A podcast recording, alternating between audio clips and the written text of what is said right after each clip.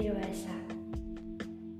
Dewasa itu kejam ya Ujarku Tapi setelah aku berkeliling di kepalaku Dan aku pun sadar Jika dewasa itu tidak kejam Tidak sama sekali.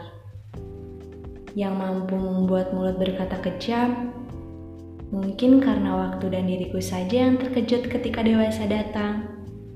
Padahal dewasa datang tidak sembarang datang. Ia datang secara perlahan, dan memang harus waktunya dewasa datang, sekarang menghampiri diriku, dan masuk perlahan-lahan.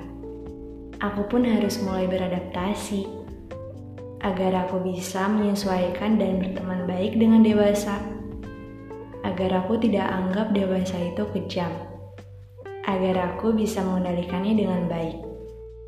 Dewasa itu baik, datang kepada diriku agar diriku sadar bahwa aku tidak selamanya ada di fase remaja atau anak-anak.